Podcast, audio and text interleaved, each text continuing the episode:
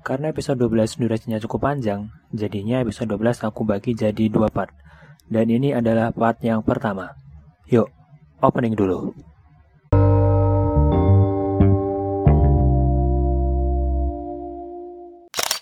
uh, PNS itu bukan apa ya my best choice gitu, bukan pilihan utama saya karena saat itu lebih besar kedorongan orang tua khususnya Hmm. ibu. Tahu nggak yang lolos SKD itu berapa? Dari 3 juta orang itu. Berapa? Itu nggak sampai 200 ribu, cuma 100 sekian ribu. Waduh. Kumlot itu kebutuhannya dikit. Oh, gitu. Walaupun kalau kumlot dia dia dapat privilege untuk tidak terikat passing grade TKP.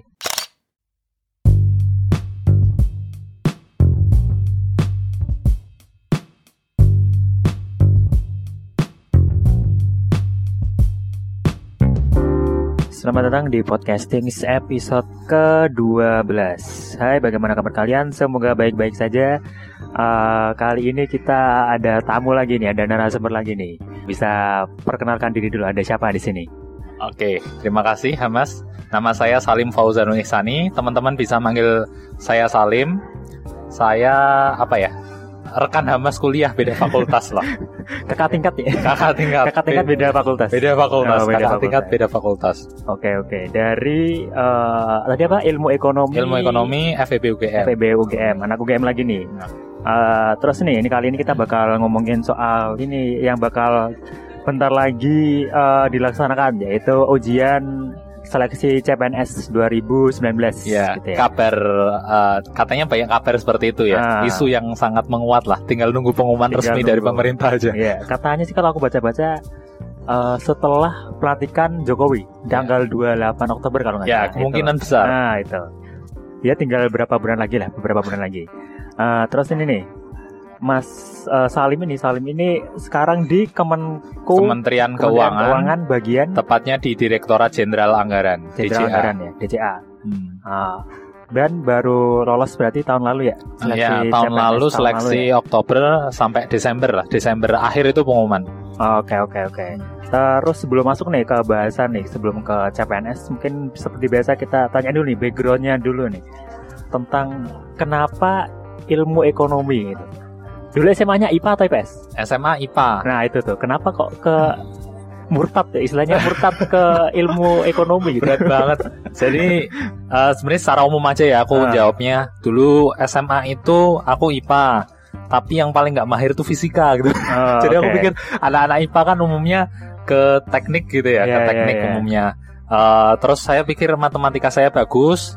Eh, nilai-nilai IPS saya kayak sejarah, geografi itu bagus-bagus juga gitu. Terus Hmm. saya bilang, ini apa nih kombinasi ilmu sosial tapi yang banyak hitungan gitu kan.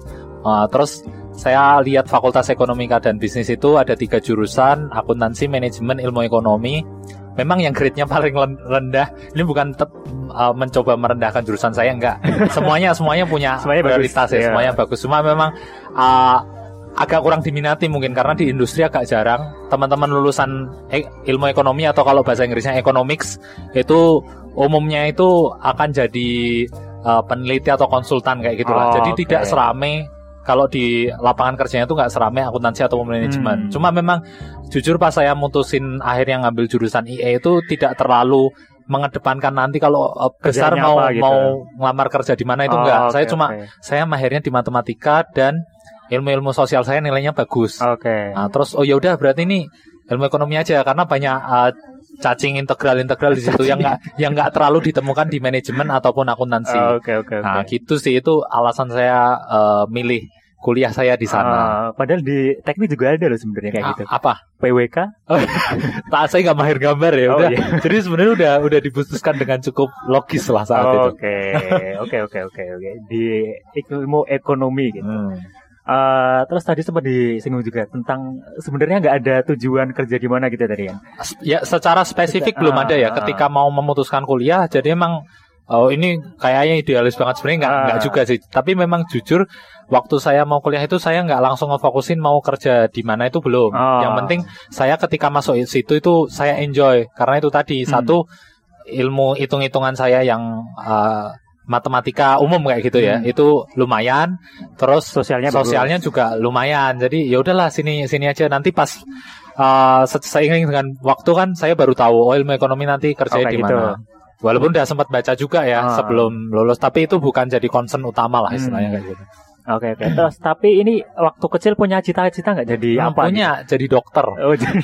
sampai TN apa ya? Oh iya sebenarnya ini kan saya ilmu ekonomi itu tahun kedua, tahun uh, maksudnya lulus kuliah itu saya 2012. ah. Sempet tuh daftar-daftar dulu di kedokteran UGM sama teknik apa ya waktu itu ya? Sempet nyoba teknik sih. Teknik kimia UGM apa ya? Terus nggak Ah. lolos. Eh gimana gimana? Lulus 2012. Lulus 2012. Lulus SMA lulus? SMA. Ah, oke, Jadi oke, oke. sempat nyoba dulu tuh sampai TN undangan tulis nggak lolos.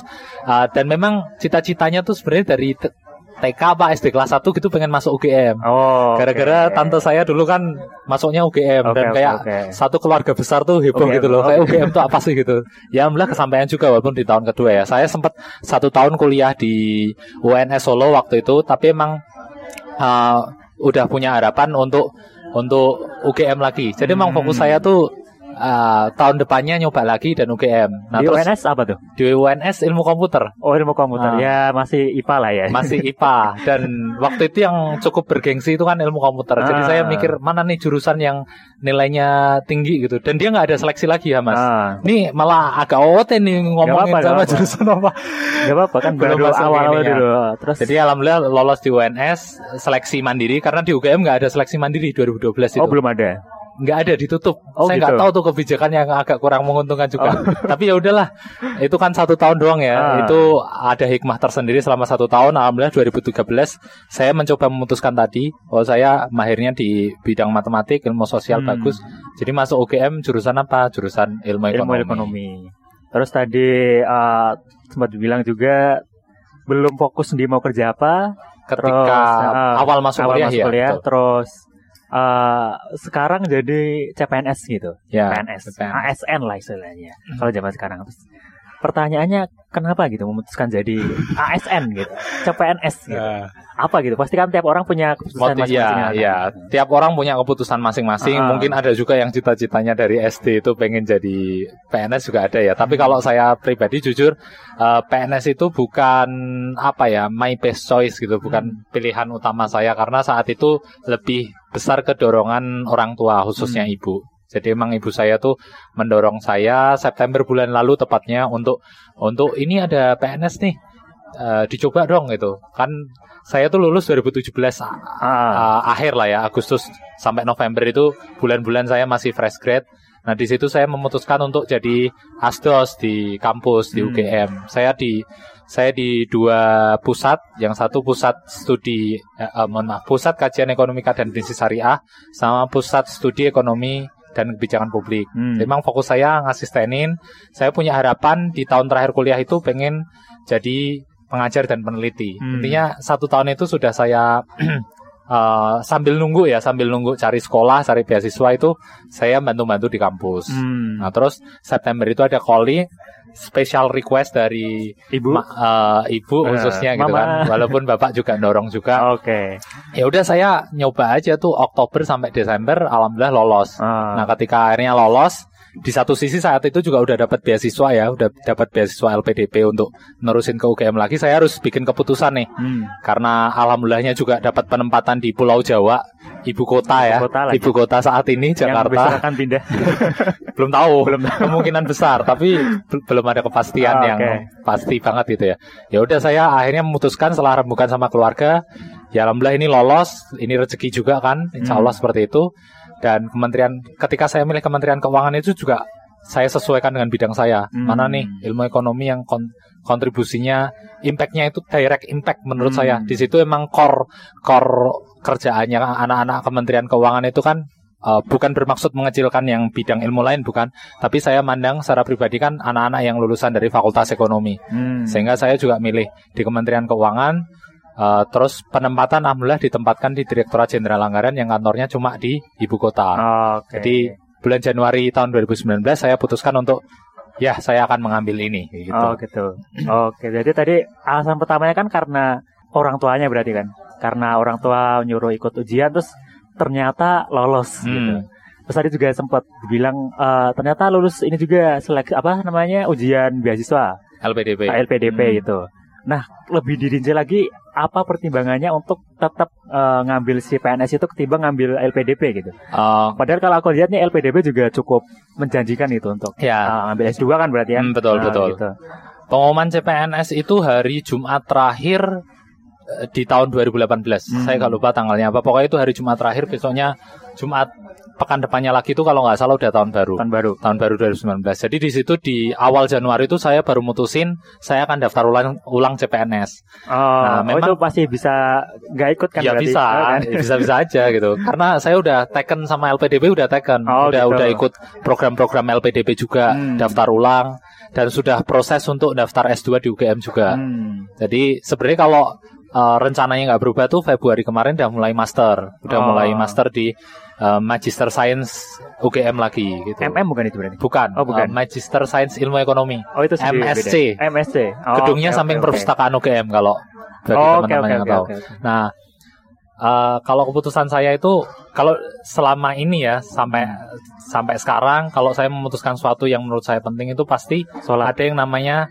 sholat istikharah ya itu, itu di belakang layar lah sebenarnya nggak perlu diceritakan juga kalau itu ada yang namanya kalau orang Jawa tuh bilang rembukan Rembukan. sama keluarga Oh yang tadi itu Artinya bilang sama keluarga inti gitu saya rembukan dan memang dari bapak ibu lebih uh, prefer saya ke PNS. Sebenarnya Hmm. saya tetap terserah di saya sih.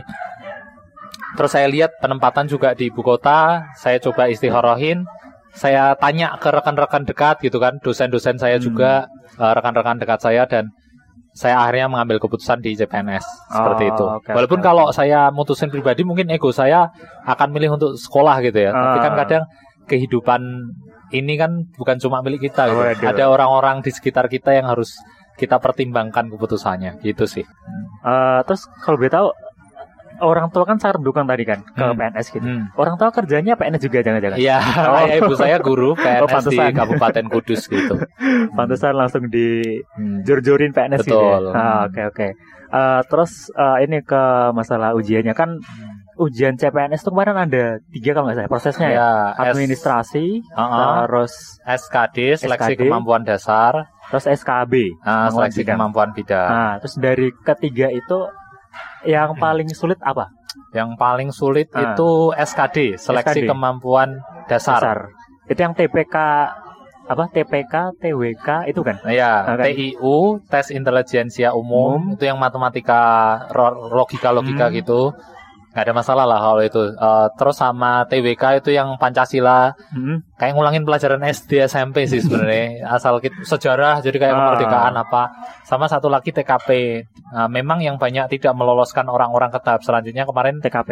passing grade di TKP Hmm. itu. Tes kemampuan P-nya apa ya? Psikologi kalau saya nggak salah. Jadi Hmm. situ tuh pertanyaannya kayak gini ya mas Eh, pertanyaannya perta- pertanyaan-pertanyaan eh, pengambilan keputusan Hmm. terkait dengan pekerjaan contoh misalkan eh, ini misalkan aja ya Iya, nggak- iya, nggak persis misalkan, kayak gini anda di eh, SMS oleh atasan anda oh ini Hmm. atasannya generasi kolonial nih masih pakai SMS gitu untuk mengerjakan tugas yang sangat mendadak dan akan dikumpulkan besok pagi Hmm. untuk rapat Hmm. pada jam 9 malam. Hmm. Apa yang akan Anda lakukan? Pilihannya A sampai E. A. Menerima dengan lapang dada. Hmm. B. Menolaknya secara langsung karena ini sudah jam istirahat Hmm. malam. Ya. C. Bla bla bla. D. Bla bla bla. E. uh, menerima uh, dengan memberikan keterangan uh, bahwa uh, istilahnya apa ya? Dia moderat. Menerima dengan memberikan keterangan bahwa uh, tidak bisa mengerjakan mak- dengan maksimal karena Sudah malam. uh, sudah sangat malam Ah. misalnya kayak gitu. Nah, A B C D E ini semuanya masing-masing punya poin. Oke. nah, Ini karena yang bikin soal aku uh, aku bilang kunci jawabannya nilai yang paling tinggi adalah E. Jadi dia tetap menerima tapi dia memberikan masukan bahwa saya mohon maaf kalau nanti kurang maksimal karena ini sudah sangat malam dan saya Hmm. akan dengan uh, dengan op- seoptimal mungkin mengerjakan ini. Hmm. Dan jawaban yang paling rendah adalah B, menolak dengan mentah-mentah. Iya, iya, Itu iya. satu nilainya. Iya, iya. Jadi misalkan- tetap ada poinnya ya. Ah, E itu 5, D itu katakanlah eh, 4, B1, C2 misalnya kayak gitulah ya. Pokoknya ada poinnya semua. Ah. Nah, itu ada 30 35 soal 35. TKP itu. 35 dan orang minimal harus dapat 143. Ah, maksudnya? Eh, jadi Oh, kan poinnya, ada poin 35 totalnya. soal. Poin poin Ah. totalnya harus 1 43. 43. Nah, sekarang kita coba hitung-hitungan aja ya. Kalau soalnya 35, Ah, nilai maksimal yang bisa diraih oleh seorang yang mengikuti tes itu berapa? 35 kali 5. 105 165. 30 kali 5 kan 150, 5 Oh, kali 175 75. ya, Nah, ya. jadi skor maksimal 175 ya. Ah, Sed- sedangkan passing grade 143. ah. Berarti beda berapa poin itu? aduh, 32 poin. Ah, ya, nah, nah, terus sekarang coba kita tarik ke angka yang agak moderat lah. Katakanlah rata-rata nilai seseorang itu nilainya 4 dalam menjawab setiap soal. Jadi skor skor dia berapa? 4 kali 35. Aduh matematika aku jelek. 30 kali 4 itu 120. Ah. 5 kali 4 20. Jadi 140. 140 ya. Artinya, jadi waktu itu sebelum tes saya sudah uh, punya gambaran orang itu harus punya skor uh, rata-ratanya tuh harus 4, sekian. Hmm. Memang boleh di bawah 5, nggak mungkin kan kita rata-rata 5 semua berarti perfect. Tapi nggak boleh juga rata-rata kita di 4. Hmm. Karena kalau 4 itu nggak Nggak lolos. Kan tadi 145 ya. 143 Oh, 143. skornya. Ah. Jadi itu benar-benar tuh harus benar-benar serius karena di 2018 ini apa ya menurut saya skor 4 dan skor 5 ini agak susah di Oh, bedanya 3 4 dikit-dikit 5 ya. tuh agak susah. Jadi Ah. kita bisa kepleset antara 4 atau 5 atau bahkan 3 atau even 3 gitu. Hmm. Skor kita. Tapi kalau 1 2 itu kelihatan banget. Hmm. Yang jawabannya jelek-jelek gak sesuai konteks itu pasti skornya 1 dan 2. Ah, Dan akan sangat rugi kalau kita kepleset di skor iya itu. dong. Minimal tuh kepleset di 4 lah. Ah. Tiga aja udah eman-eman Iya, gitu. iya, iya. Nah, dan se-Indonesia ini yang saat itu ada di berita ya kenapa paling susah ini menurutku. Di Indonesia itu kan kebutuhan PNS dari total yang daftar berapa ya? Kayaknya Ti- sat, Tiga, Tiga juta ya? Tiga juta. 3 juta ya. Mungkin 3 juta itu itu yang akan diambil cuma 200 ribu Iya, senasional. 200 Dua ribu. tiga delapan. Nah, 238 Iya. ribu. Tahu nggak yang lolos SKD itu berapa? Yang lolos SKD loh dari 3 juta orang itu. Berapa? Itu nggak sampai 200 ribu, cuma 100 sekian ribu. Waduh. Padahal, padahal idealnya yang Ah, lolos SKD itu Lebih banyak dari yang tiga dibutuhkan. kali lipat formasi. Artinya kalau butuhnya 200 ribu ya 600 harusnya yang kan lolos harusnya. minimal 600. minimal 600 ribu. Ah. Kalau misalkan yang lolos passing grade SKD itu 1 juta ya nggak masalah. Ah. Kita akan ranking 600 ribu teratas untuk Masuk uh, ke selanjutnya. selanjutnya. Ah. Karena selanjutnya itu kan tiga kali formasi. Hmm. Jadi misalkan kebutuhannya dua orang, maka yang akan dipanggil SKB itu enam orang Hmm. untuk battle ke dua orang. Nah sementara se Indonesia itu yang lolos cuma setengahnya. sekitar 100 ribu padahal kebutuhannya Iya, iya. dua ratusan 200, ribu gitu kan. ah. Nah jadi ini memang perlu dievaluasi sih, Ah. khususnya di TKP, tadi ini. itu ya. TKP ini banyak banget yang gagal di TKP. Gagal. Gitu. Nah, Tahu nggak mas skor TKP saya berapa? 150. Wah, luar biasa. 150 salah. Skor TKP saya 143. Pas, Pas persis ya. Jadi TUU saya lumayan. TUU passing grade-nya tuh 80 85 apa ya kalau nggak salah. Eh, TUU tuh passing grade-nya 85. Hah? T, TUU tuh yang matematika kayak Iya, gitu ya. iya. Itu cuma 30 soal. Hmm. Passing grade-nya 85 artinya skor skor mak- skor benar 5, salah 0. Oke. Jadi artinya kita harus benar sekitar 16 atau 17 soal ya. dari berapa tadi 30 soal? 30 soal. Oke, Jadi setengahnya benar separuh lebih. Dua soal lah. Dan itu nggak terlalu sulit ya berarti? Nggak sul nggak susah-susah amat sih menurut Ah. saya. Harus tapi harus banyak latihan. Oke. Tuh, Khususnya buat teman-teman yang mungkin belum terbiasa untuk ngitung cepat itu harus Hmm. otaknya harus dilatih. Hmm. Karena sebenarnya soalnya gampang-gampang tapi mungkin waktu kan jalan terus Iya, ya. iya, iya, iya. Itu terus ada juga yang eh, TI eh, TWK tes TWK. wawasan kebangsaan itu soalnya 35, skor minimalnya saya agak lupa nih skor minimalnya antara 80 apa 85. Per soalnya? Persoalnya 5 juga Lima sama. juga. Artinya ya kita tinggal bener 16 sampai Hmm. 17 itu udah lolos passing grade. Nah, skor TIU dan TWK saya itu di atas 100 semua dan TKP saya pas di Pas. 143. Jadi Jadi auto, saya misalkan ah. nggak ini ya saya nggak lolos. Ah, Walaupun memang ada kebijakan ya akhirnya untuk formasi-formasi tertentu. uh, tertentu misalnya seperti di daerah mana itu Hmm. tuh dibutuhin lima orang tapi yang lolos TKD itu nggak ada sama, eh, SKD nggak ada yang sama nggak ada yang lolos sama Ah, sekali terus Diberi kelonggaran. ah, ya, diberi berarti? kelonggaran akhirnya Yang paling nilai-nilai tertinggi itu Oh, diambil oke. nah untuk eh, untuk kasus saya di formasi saya itu sudah sudah ada yang lolos jadi mis eh, maksud saya gini di Kementerian Keuangan itu kan ilmu ekonomi saat itu yang diambil cuma 30 untuk Hmm. formasi umum itu 50 sekian orang itu lolos TKD eh, Ah. SKD jadi misalkan saya sat, skor saya itu nggak 143 ya katakanlah 142 Berarti auto gagal. auto gagal Ah. karena sudah ada 50 Iya, terbaik iya, yang iya, lolos iya, passing grade.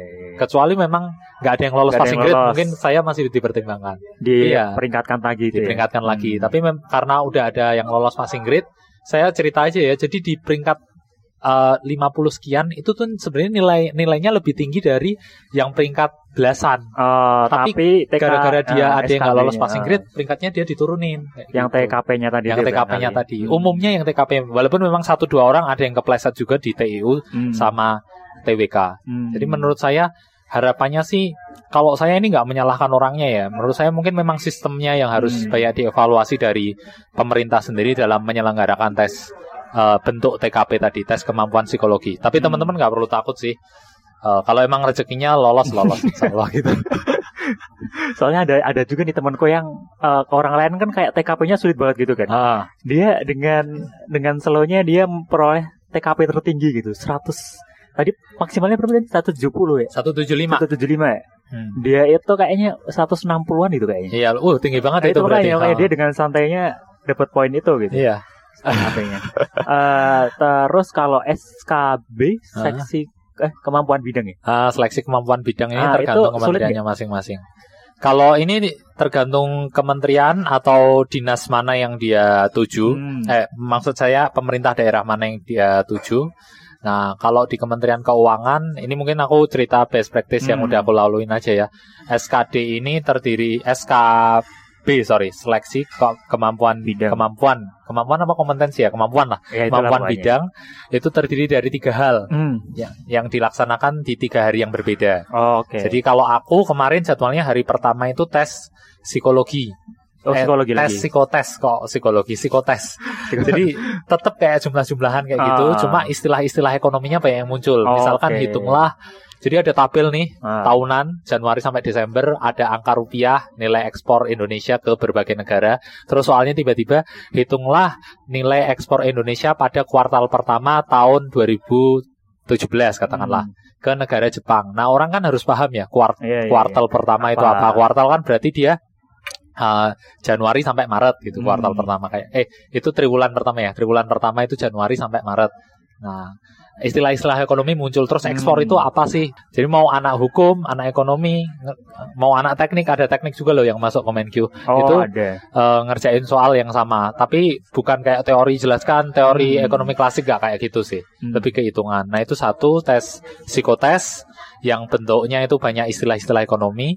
Terus hari kedua itu tes eh, ini kesehatan kebugaran. Ngapain tuh? Nah, jadi waktu itu aku di lapangan angkatan udara di Adi Sucipto Jogja Hmm. tesnya. Kita datang pagi dicek dokter dulu boleh melakukan tes fisik apa enggak. Oke. Tapi dicek juga varises terus mata minus berapa oh gitu. kesehatan suhu tubuh berapa Full check ya berarti?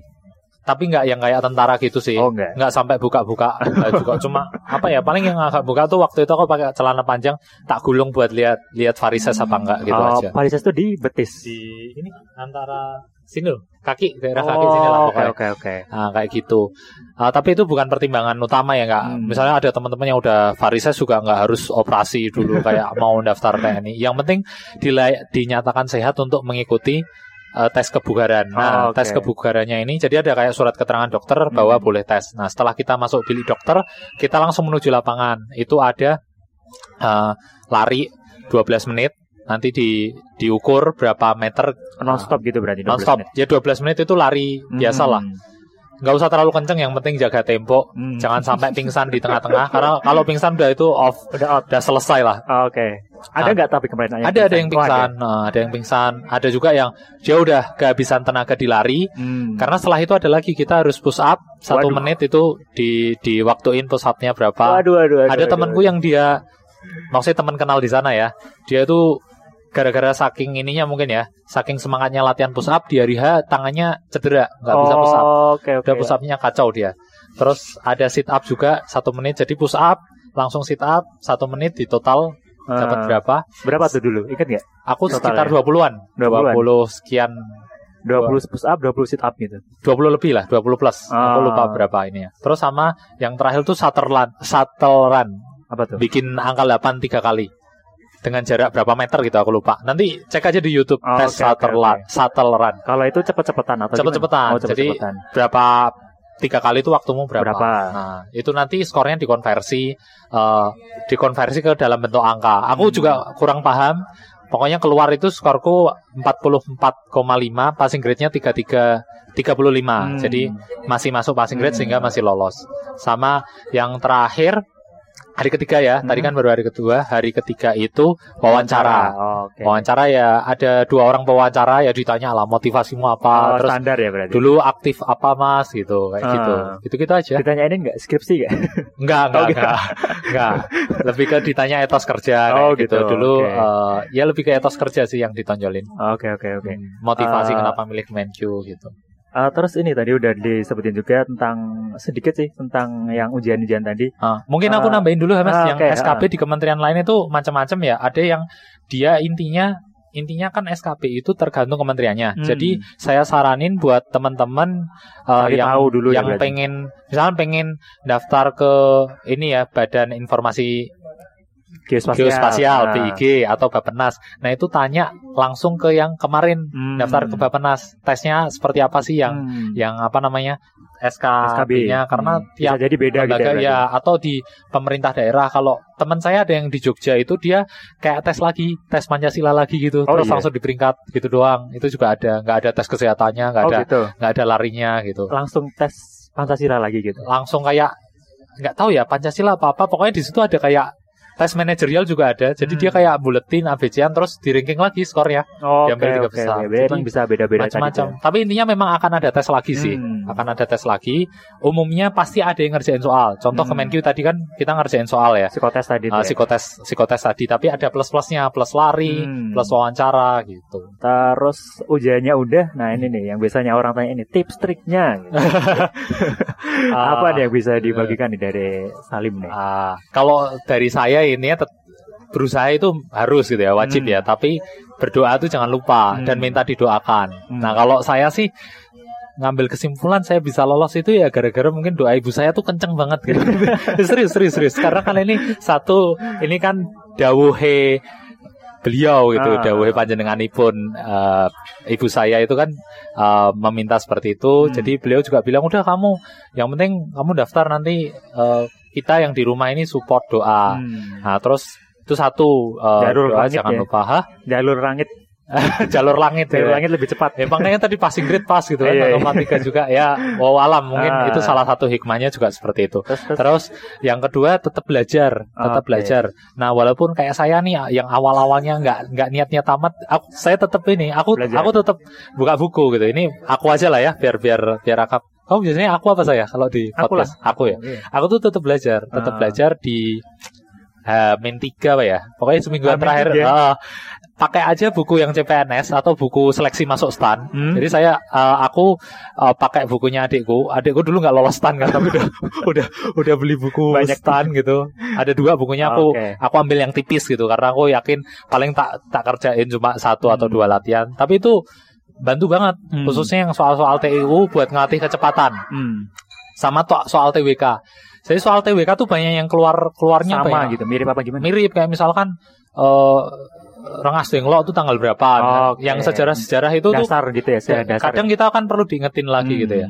Sama undang-undang itu juga ada yang keluar. Saya butir pengamalan Pancasila. Oh. Terus undang-undang 45 eh, yang bunyinya ini tuh pasal berapa? Sekarang masih apa enggak Kayaknya ya enggak. udah enggak. Saya aku sebenarnya enggak apal juga. Cuma kan begitu ada APCN kan kira-kira bisa oh di iya benar-benar. dipilih Bisa di gitu ya. callback lagi Ah, memorinya gitu. gitu. ya. dari 35 soal itu. Kalau yang TKP sebenarnya di buku-buku yang seleksi CPNS banyak sih di toko-toko buku itu Hmm. sebenarnya udah banyak nawarin. Hmm. Cuma memang karena kan 2017 juga udah ada TKP kan Hmm. sebenarnya yang tahun sebelumku itu katanya nggak se- Beda gitu ya. Banyak banget yang lolos. Maksudnya nggak Oh. banyak yang nggak lolos. Karena kayaknya emang soalnya beda deh. Kasuistik aja sih mungkin 2018 aku aku pikir 2019 ini nanti kalau misalkan memang ada lagi gitu ya. Mudah-mudahan TKP-nya juga memudahkan teman-teman yang tes gitu nggak Hmm. menjebak. Intinya tetap latihan. Eh, kalau bisa eh, dirutinkan gitu ya Hmm. saya termasuk orang yang nggak nggak perlu dicontoh soal merutinkan karena emang agak mepet-mepet self motivation saya kan agak kurang ya waktu Oke, itu ya walaupun tapi lolos, lolos tapi ya. apalagi buat teman-teman yang motivasinya tinggi gitu ya insya Allah kalau emang rezekinya akan lebih dipermudah gitu kalau menurut Amin, saya amin. baca Ah. buku tes kecepatan di situ itu penting sama Hmm. Kalau memang udah tahu nih hari ini mau atau besoknya itu mau uh, seleksi itu kan cuma di kota-kota besar aja ya. Hmm. Eh Iya nggak ya? Kok aku agak lupa ya seleksi Iya, di kota-kota di kota tertentu gitu. doang kan. Ah. Jogja itu ya alhamdulillah saat itu aku tinggal di Jogja dan dan Jogja kan salah satu kota pilihan. Hmm. Jadi ada kayak misalkan yang dari luar kota terus dia kayak ngelaju tuh tiga jam jaraknya misalnya Hmm. dari Jogja dia tes di Jogja dia baru berangkat jam 6 menurutku itu nggak bakal maksimal dia ngerjain jam 10 Sampai Mending ya. nginep aja Hmm. di mana gitu itu juga faktor-faktor teknis kayak Hmm. gitu jangan disepelein Dan jangan karena kita lupa sarapan juga gitu. ya. Ah, Ah. kita cuma punya waktu 90 menit apa ya untuk ngerjain 100 soal itu. Hmm. Jadi Yang- itu kan 35 tambah 35 Hmm, kan tambah 70 tambah 30 100. Oke. 100 soal itu tuh langsung Kita gitu ngerjain ya? langsung di komputer waktunya 100 Oh. eh, se- waktunya 90 menit terserah Hmm. kamu mau kamu ngelarin TIU mu untuk berapa menit Hmm. TKP mu berapa menit pokoknya itu langsung dirapel jadi satu gitu loh Mas. Oh berarti kita bisa milih yang mana dulu? Bisa, mana bisa. aja ya? Oh. Oke oke oke. kalau aku kemarin yang aku selesaiin TKP dulu emang TKP dulu. TKP dulu karena menurutku ini isunya emang eh, ini kan tadi secara secara hitungan juga agak susah Ah. kita harus dapetin 143 kayak gitu ya gitu sih kalau Oh, oke, oke. hal-hal strategi. Jadi itu tetap doa dari orang-orang yang paling dicintai khususnya orang tua atau khususnya ibu gitu orang tua ibu. Terus eh, tetap latihan juga. Latihan jangan lupa sama hal-hal teknis khususnya di hari H. Hmm. mulai dari datangnya kapan perlu nginep apa enggak Hmm. gitu. Terus ini sih ke soal doa tadi aku jadi inget Hmm. eh, bener banget tadi ya misalkan tadi minta doa dari orang lain karena Hmm. kalau aku pernah dengar gitu ya dari satu orang gitu Hmm. emang kadang doa itu yang dikabulkan bukan doa kita gitu tapi Hmm. doa dari orang lain karena bisa jadi doa orang lain untuk kita itu lebih lebih apa ya lebih murni lebih ya lebih bisa langsung gitu Iya, dijawabnya. Iya, betul betul betul. Eh, terus eh, eh, sorry eh, jadi di ujian kemarin tuh kan ada yang untuk kumlot dan non kumlot gitu kan Iya, kumlot, formasi kumlot dan formasi umum. Ah, terus Mas Salim dulu yang apa? Ah, sebenarnya secara nilai IPK aku kumlot, tapi Ah. aku milih yang umum. Nah itu kenapa tuh? Nah, satu ya walaupun tadi ya, walaupun ini self motivationku kurang, Hmm. bukan berarti aku aku kayak munafik oh aku nggak pengen banget PNS nggak tetap Hmm. tetap ada aku tetap ngitung gitu loh peluang peluangku untuk lolos itu juga harus gede gitu Hmm. Akhirnya aku pilih jalur kumlot karena menurutku satu berarti eh, mohon maaf jalur umum Ah, non walaupun nilaiku kumlot gitu kan Iya, satu iya. karena kebutuhan di umum itu 30 orang Hmm. jadi dilihat kebutuhannya biasanya oh kumlot beda itu gitu. kumlot itu kebutuhannya dikit Oh, gitu. Walaupun kalau kumlot dia dia dapat privilege untuk tidak terikat passing grade TKP. oh. Jadi teman-temanku yang kumlot itu eh, yang akhirnya lolos itu mereka sebenarnya TKP-nya rendah eh, Hmm. bukan rendah ya maksudnya ada Jadi- beberapa orang yang tidak memenuhi Ah, passing grade. ah. Tapi gara-gara mereka kumlot mereka nggak nggak kena aturan Ah. itu. Tapi mereka bersaing dengan orang-orang kumlot. oh gitu. Ya you know lah kalau Iya, orang-orang iya, kumlot iya, itu iya. IPK mulai 3,51 sampai 3,99 atau even 4 gitu ya kalau ada yang Ah. punya IPK 4. Nah, kalau aku pikirnya satu channelnya lebih banyak 30 Hmm. orang walaupun yang daftar formasi karena di websitenya BKN waktu itu ketika kita Bisa submit tahu ya. kita tahu saingannya. kebutuhan 30 yang sudah submit berkas Hmm. formasiku saat itu kalau nggak salah 1200 Oh, orang berarti satu banding 400-an ya. 40 eh, 400 ya 40 kali 40, 40, ya ya, satu 40. banding 40 sementara yang kumlot tuh yang dibutuhin 27 yang daftar baru nggak sampai eh, 300-an orang jadi cuma satu banding 10 lah kira-kira Hmm. jadi tetap keketatannya sebenarnya kumlot itu lebih lebih nggak ketat Hmm. kalau kalau proporsinya ya cuma Iya, iya, iya. menurutku lebih seru battle-nya dengan formasi umum Oh, karena oke. aku aku nggak lihat berapa kansnya untuk diterima tapi aku lihat siapa aja yang, Yang akan dilawan battle di gitu. situ Oh, yang dilawan terus berapa orang yang akhirnya akan diambil juga Hmm. ya alhamdulillah sejauh ini cukup cukup cukup jitu ya menurut saya menurutku ya Ka- karena gini juga keunggulannya formasi kumlot secara umum ya Ah. secara umum saya nggak bilang pasti tapi umumnya biasanya anak-anak kumlot ini mereka akan ditempatkan di posisi-posisi yang strategis Oh, atau oke. di pusat kalau kalau punya kalau punya kantor kantor utama di pusat. Hmm. Jadi misalkan eh, Kementerian A formasi kumlotnya ada dua, formasi umumnya 10. Ah. Nah dua orang ini tuh spesial pusat berarti. berarti. Pusat Oh, gitu. Nah, apalagi kementerian-kementerian selain Kemenkyu itu kan mereka bisa milih itu lebih spesifik. Jadi misalkan eh, kementerian aku sebut merek aja ya. Bapenas. Misalnya Bapenas Ah. dia di de- deputi apa, di Hmm. di- direktorat apa, itu bisa.